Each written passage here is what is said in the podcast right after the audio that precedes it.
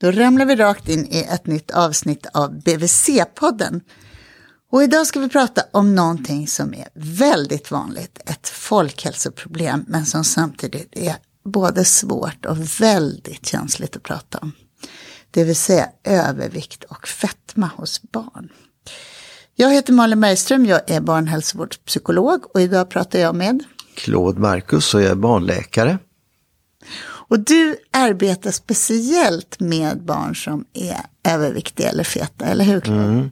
Jag har hållit på med barn med fetma, ja, säkert en 20-25 år nu. Jag har egentligen hållit på med hormonella rubbningar hos barn och hållit på med fettceller och sen har det blivit, håller man på med fettceller så tror alla att man kan allting om barnfetma. Så att det innebar att jag började lära mig en del om det här och blev mer och mer intresserad och insåg hur stort det här problemet var. Och hur komplext och svårt och hur många olika delar av sjukvården som faktiskt måste vara involverade kring de här barnen. Så att nu är det mest det jag håller på med faktiskt.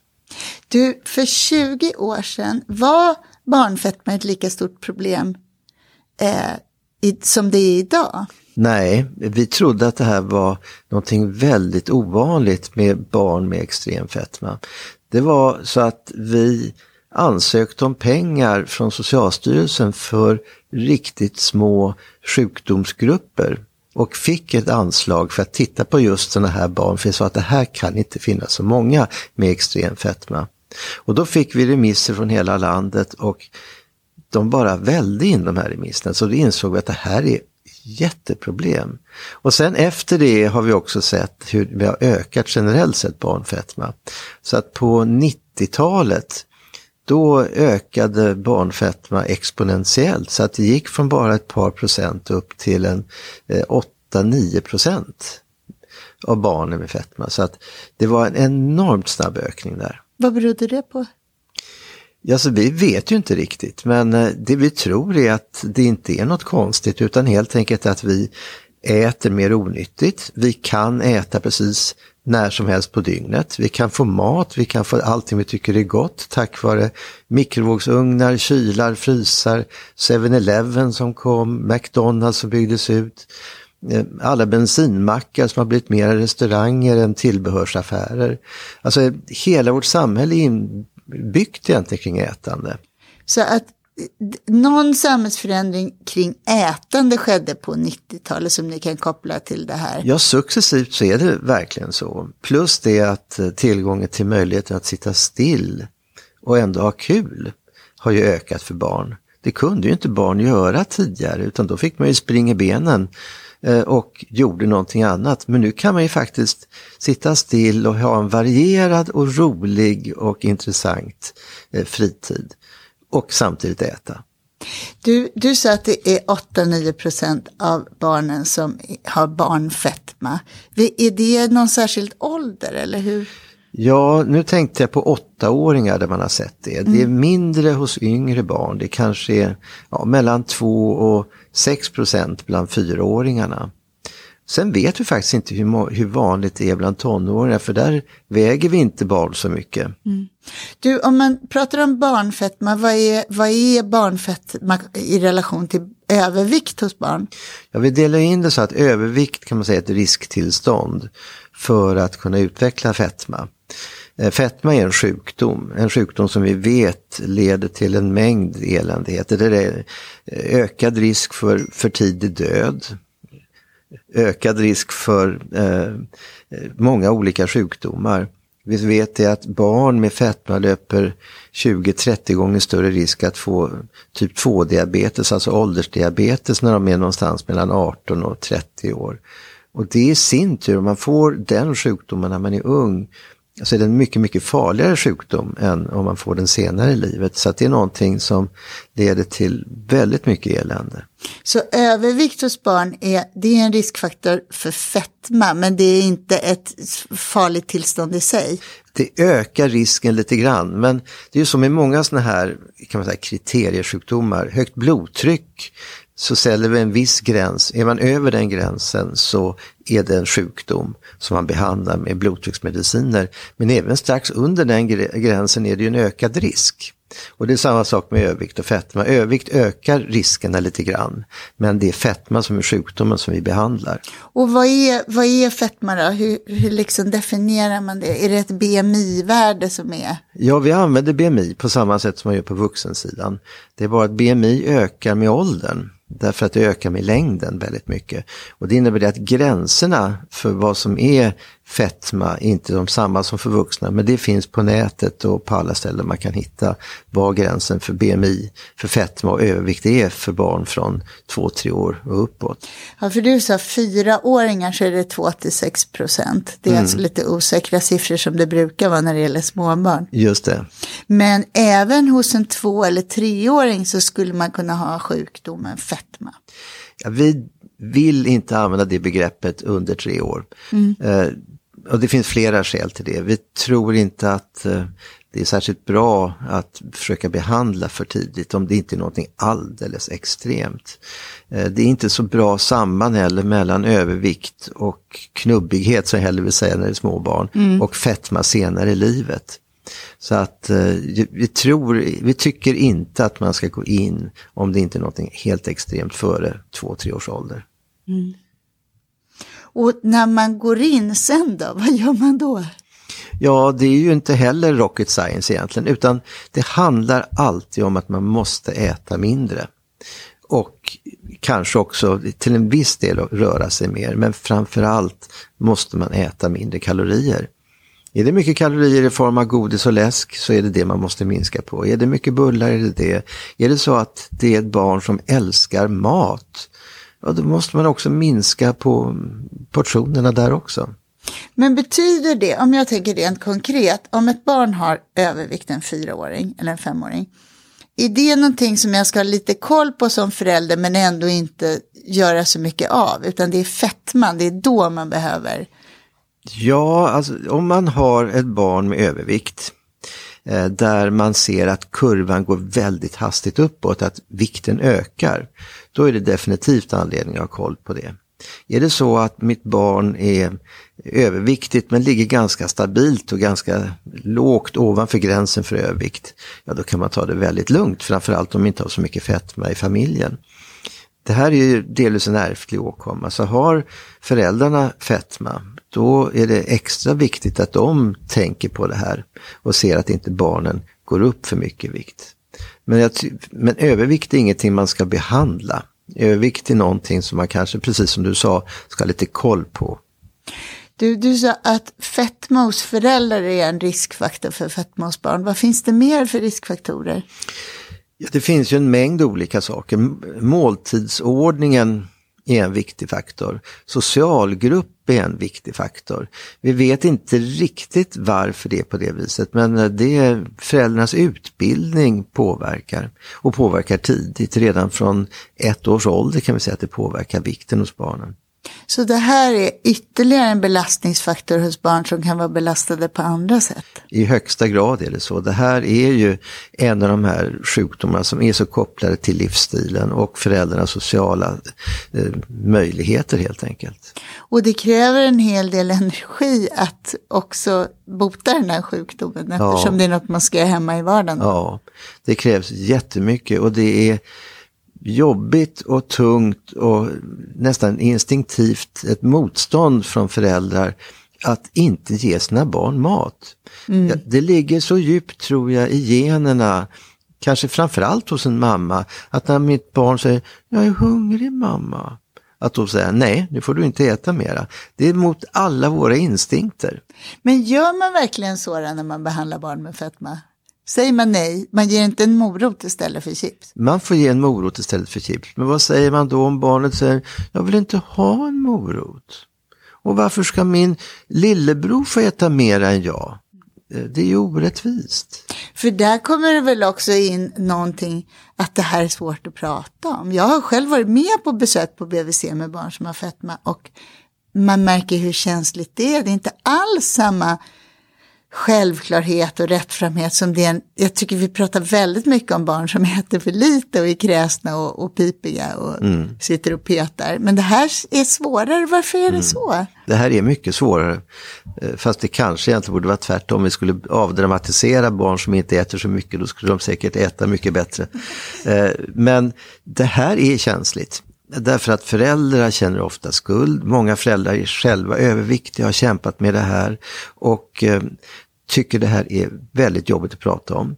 Och eh, det vet ju de som arbetar på barnavårdscentraler ofta om. Och det gör ju också att de tycker det här är mycket svårare att prata om. Så att i alla led blir det här jobbigt. Föräldrar tycker det är svårt att prata med sina barn. BVC-sjuksköterskorna tycker det är svårt att prata om det med föräldrarna. Ska man prata med barn om det då? Både ja och nej. Alltså, det är väl så att har man en 5-6-åring eh, så vet de ofta om att de är knubbiga. Och att de, många blir faktiskt mobbade och retade redan i den åldern.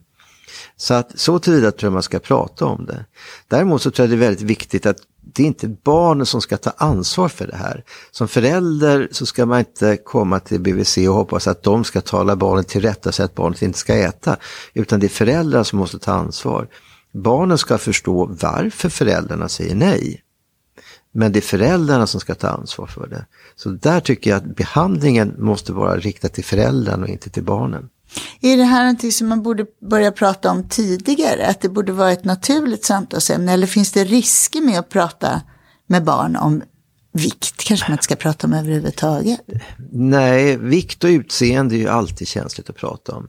Eh, jag tror att man kan prata om ganska tidigt att, eh, att eh, du har lättare att äta lite för mycket än andra.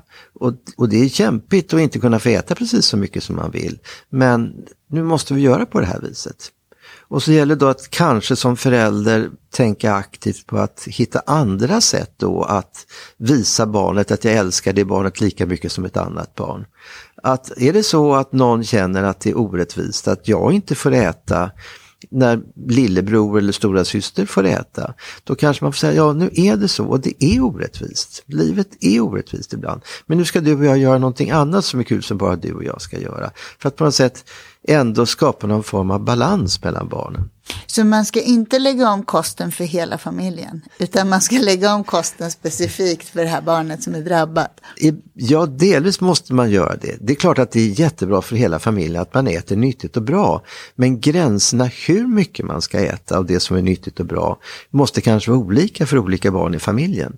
Det vill säga, har man någon som är väldigt smal och kanske måste äta mera, så ska vi inte begränsa för det barnet bara för att det andra barnet inte kan äta. Det här är lite samma sak som man har ett barn som en allergi. Eh, man behöver inte säga att inget av barnen någonsin får äta nötter bara för att ett barn inte kan äta mm. nötter. Mm.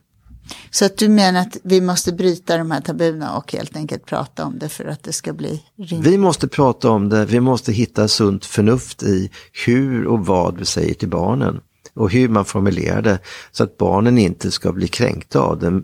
Och det viktigaste är att det är föräldrarna som måste ta ett föräldraansvar. Mm.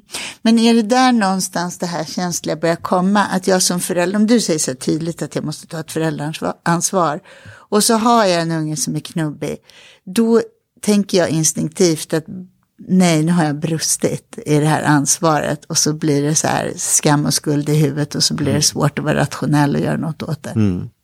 Så är det ju ofta och det här kommer ju bara att när man, första gången man nämner det på barnavårdscentralen så är det många föräldrar som sluter sig och blir nästan lite fientliga. För att det här är så jobbigt. Och det är ju tungt och det är någonting som man måste försöka bryta och det gör man ju inte vid ett samtal. Utan det gör man då vid upprepade samtal. Och det är därför också jag tror att det är viktigt att man börjar prata om det här redan kanske vid 3-4 års åldern. För det vi ser är att barnen ofta remitteras för behandling för sent. De remitteras kanske i 9-10 års åldern. Mm. Och vi vet att chansen att man ska lyckas med behandling är mycket, mycket bättre om man kommer tidigare. Och det tror jag beror på att man kanske nämner någonting om det här på barnavårdscentralen när barnen är fem eller sex år. Sen går de över till skolan. Man börjar prata om kanske i bästa fall i skolan vid ett sexårsbesök i skolhälsovården.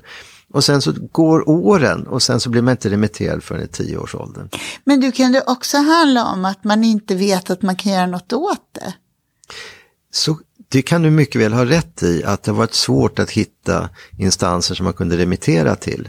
För jag tycker det är svårt att säga till en förälder att, att du, barnet får för mycket mat och det får fel mat och det här måste Mm. du göra, du, du gör något åt, men det får du göra på egen hand. Mm. Det är ju ett jättetungt besked att ge. Ja, Jag tycker det är nej, väldigt mycket lättare att ta upp en svår situation och säga, men vi kommer hjälpa dig. Ja. Jag kommer hjälpa dig så att du blir omhändertagen. Du ska inte stå själv, Mm. utan nu ska ni lägga om. Men du har helt rätt i det och fetma, barnfetma är en sjukdom och en sjukdom som drabbar barn ska hanteras i barnsjukvården.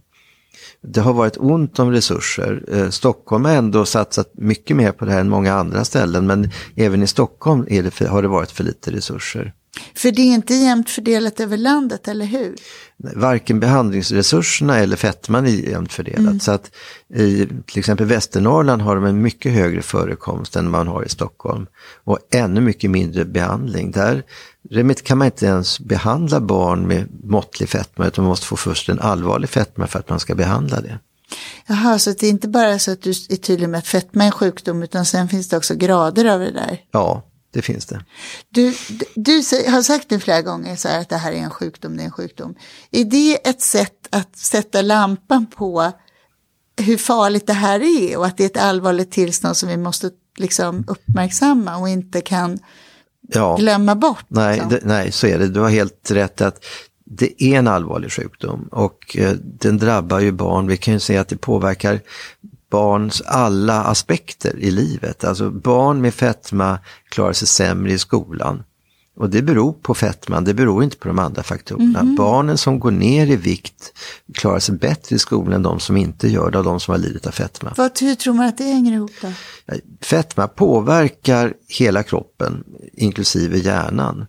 Eh, Man har sett på vuxna kvinnor som opererats att deras minne har förbättrats när de har gått ner i vikt. Eh, Så Så du menar att det finns rent fysiologiska det finns rent, ja just det, på samma sätt som fetma påverkar högt blodtryck och blodsocker och blodfetter och leder och inflammation. På samma sätt kan det också påverka hjärnan. Du, skulle vi kunna informera föräldrar om sådana här konsekvenser på BVC eller lägger man sten på börda då? Ja, det är alltid svårt att veta hur mycket man ska tala om alla risker. Jag tror att det är bra ändå att BVC-personalen vet om det. Därför vet man om det, då blir det också en helt annan tyngd från, från ens själv. Från, det kommer mera från magen när man säger saker och ting. Och jag tror att man också, om man vet om det här, kanske man är lite tuffare och inte väjer för de jobbiga samtalen kring fetma. Jag tänker som förälder att jag också skulle vilja veta om det. För Mm. jag tänker att det skulle vara svårt för mig att lyfta mig i håret och kämpa med det. För jag antar Mm. att det, det är liksom en lång behandling innan det vänder. Och jag kanske Mm. måste ha koll på det hela barndomen liksom som förälder och vara på Ja. tå. Och då skulle jag verkligen vilja veta så att jag kan stärka mig själv i att göra Mm. Ja, du kanske har rätt att jag, jag tror, i min värld så vet alla om detta. Du lever nog i en liten värld. I min lilla bubbla eh, så vet vi om det här. Du har säkert rätt att så är det. Eh, Och det är klart man inte ska dölja saker för föräldrar. Däremot så har jag aldrig märkt att det är något särskilt effektivt behandlingssätt att rabbla upp alla risker med det här. skrämma livet folk. Nej. Nej. det är klart att det inte är. Men jag tyckte det var intressant att höra att det faktiskt är, att det beror på fetman att man får svårt i skolan. Mm. Du, sen tycker jag som psykolog att jag har mött hos, när jag har haft föräldrar som har med fetma, att jag, min kliniska iakttagelse är att det påverkar självkänslan. Det gör det. Stämmer det? Det gör det i högsta grad. Eh, Det påverkar självkänsla, det påverkar, ökar risken för depression, det finns mängder med olika faktorer. Det påverkar framtida socioekonomi eh, av många olika skäl. Vi har ju tittat på ungdomar som har opererats med fetmakirurgi som eh, har fått ett helt annat liv efteråt. Så det är, verkligen, det är verkligen ett allvarligt tillstånd. Det är ett jätteallvarligt tillstånd. För jag tycker också att vi på BVC så väger vi barn så himla mycket. Så jag tycker att vi verkligen har alla förutsättningar att vara de som tar de här samtalen med Ja, föräldrar. ja. Och jag tror att många nämner det, men man tar inte steget vidare att verkligen remittera, att verkligen skicka barnet till barnsjukvården för att behandla sjukvården fetma. Man dröjer med det och sen så går åren. Man ger lite råd menar du och sen så Ja, hoppas man att det ska... Just det. Och det som är märkligt är att eh, flickor kommer mycket tidigare till behandling än vad pojkar gör. Och vad tror du om det då? Vi har ingen aning om varför. Eh, och det är alltså ungefär i genomsnitt ett år tidigare i hela Sverige så kommer flickor tidigare än vad pojkarna gör. Du, jag glömde fråga det förut, för det är väl så att det finns könsskillnader i prevalensen? Inte så mycket bland barn, utan det är lika mycket pojkar och flickor som lider av fetma och övervikt. På vuxensidan är det lite skillnad. Eh, där är det ju flera kvinnor som lider av övervikt än män. Och fetma också? Fetma är ungefär lika mycket. Aha. Mm. Men eh, på barnsidan så är det ungefär lika vanligt. Men- Men. flickorna remitteras. Vi vet inte om det är föräldrarna som är mer oroliga för sina överviktiga flickor eller om det är barnhälsovården, barnsjukvården som reagerar annorlunda. Vi har ingen aning varför. Men vi har sett det här nu de senaste åren att eh, det är en tydlig trend. Du, vad, när man remitterar ett barn för behandling, för du sa att det, på vissa ställen i Sverige så finns det inte ens ställen att remittera till, men du i Stockholm gör ju det och där jobbar du. Ja, just det. Här jobbar jag. jobbar du. Berätta hur behandlingen går till. Ja, vi har en nystartad barnmottagning som egentligen bara är inriktad på, på barn med fetma. Och eh, den eh, håller vi på nu att digitalisera mycket. Det vill säga att vi försöker se till att man ska kunna ha en tät kontakt, för vi vet att det är bra, utan att man behöver komma så ofta till mottagningen. Och för att kunna lösa det så har vi sett till att barnen hemma, de har en våg som är kopplad till en app i telefonen som föräldrarna har, som är kopplad direkt till kliniken.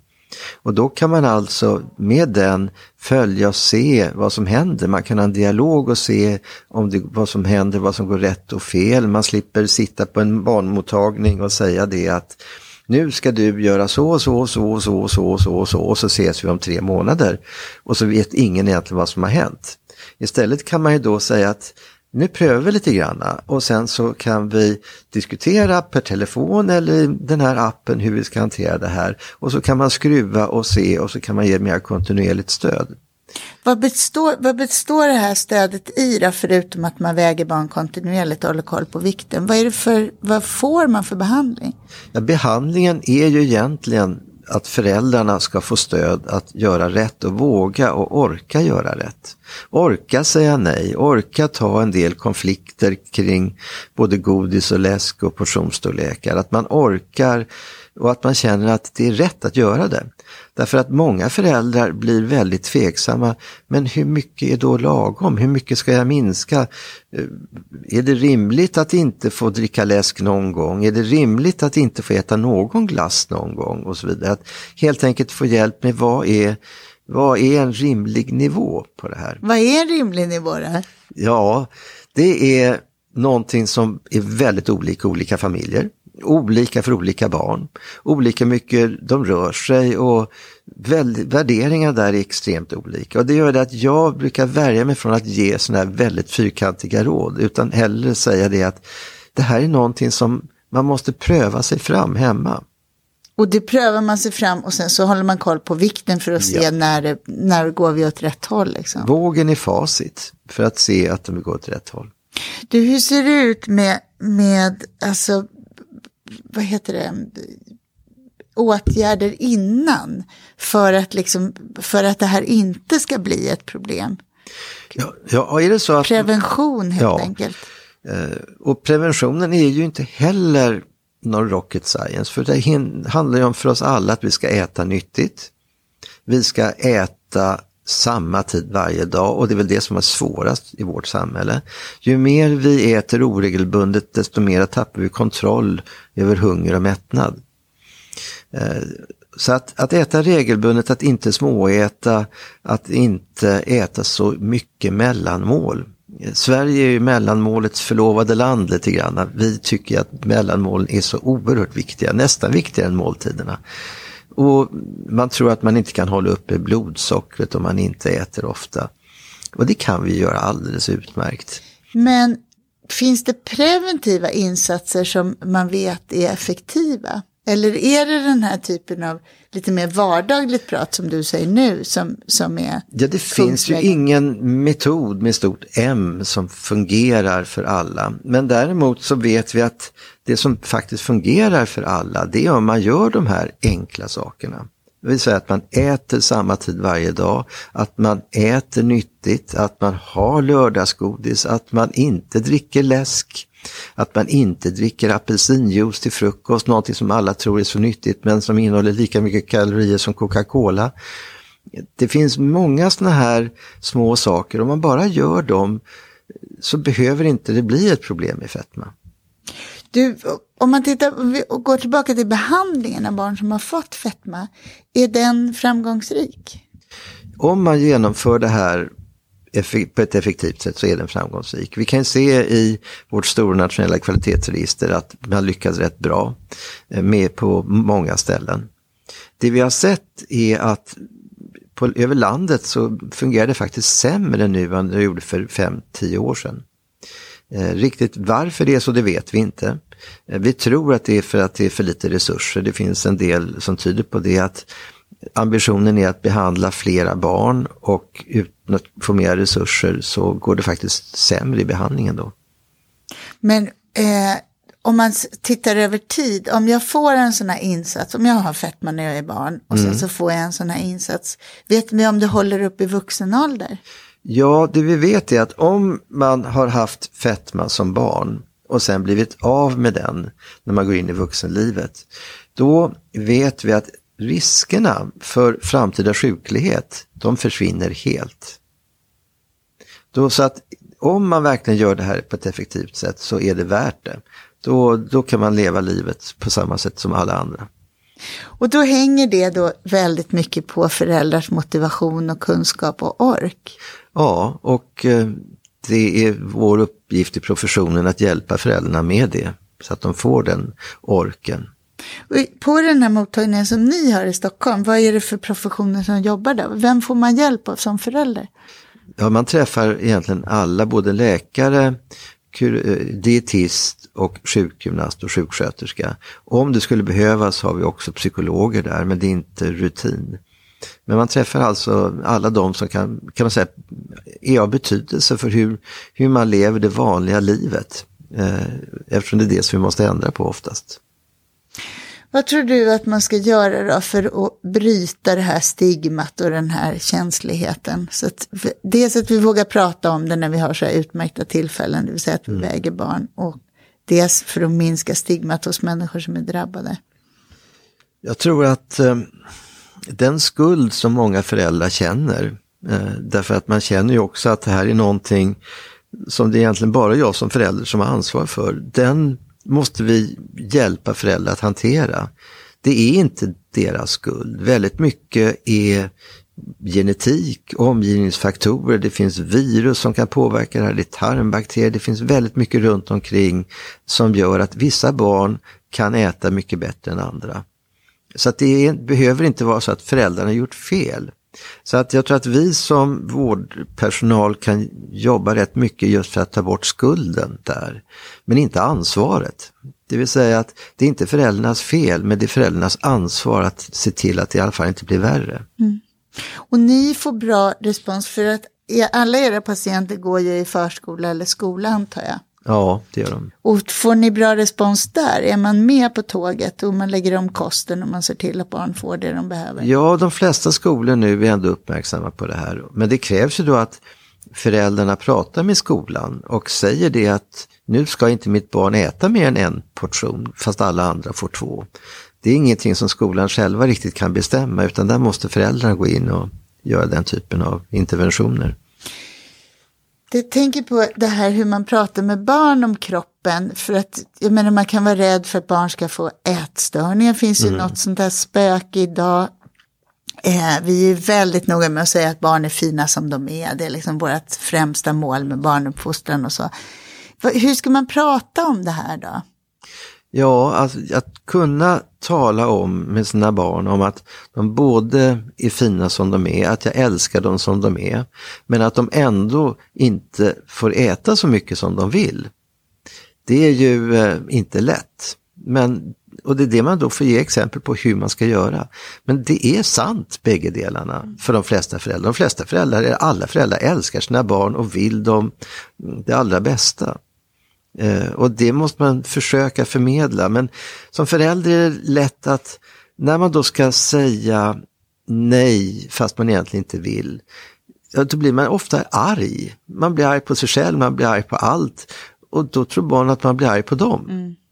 Och det blir man kanske också. Det kanske. Och en jobbig vardag. ja. Jo, men jag bara tycker det är så ja. intressant, för när jag har ett litet pinnigt barn och ska ha den och äta mer eh, än den vill, mm. så lägger jag inte i så mycket kring kärlek i det, utan jag bara mm. tänker att det är liksom underförstått att jag älskar dig, men du måste mm. äta upp mm. därför att du blir för trött annars. Ja, men då är det också så att då kan man mycket lättare lägga i det här att det är för din skull du ska äta mer. Mm. För det är någonting, jag ger ju någonting då till barnet mm. istället för att ta någonting ifrån barnet som barnet vill ha. Mm. Så det är det som är grejen, att man att... först har vant barn vid att få någonting som man sen ska ta bort. Ja, just det. Och som förälder att ta bort någonting som det ligger så genetiskt djupt att vi ska ge dem, mm. det är svårt.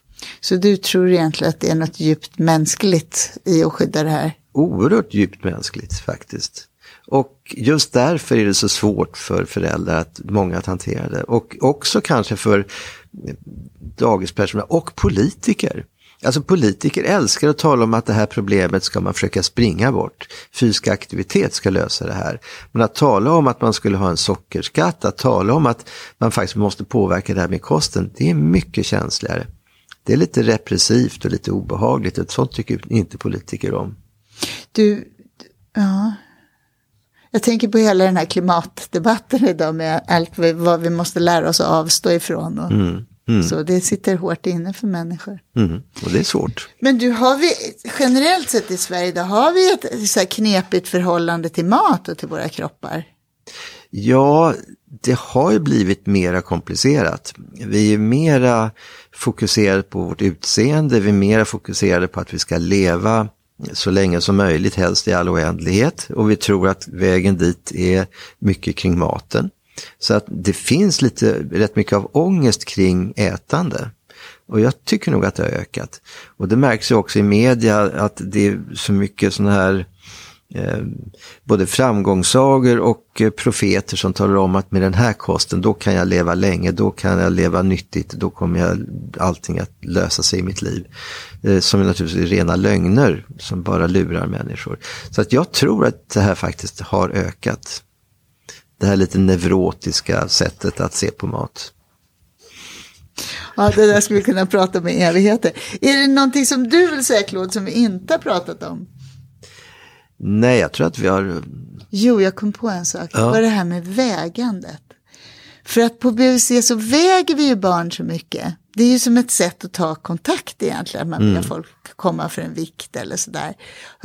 Spelar det någon roll i det här, liksom synen på barns kroppar och vikt och så? För du säger att ni väger barnen och kopplar det till någon app. Ja, just det. Alltså det är ju vi använder ju vikten och längden som mått på hälsa. Och det gör man ju både i skola och på BVC. Och det är strålande bra mått på hälsa. Eh, så att eh, jag tror att där är det också ganska okontroversiellt, framförallt på BVC, att väga. Det gör man ju alltid och ingen tycker det är obehagligt.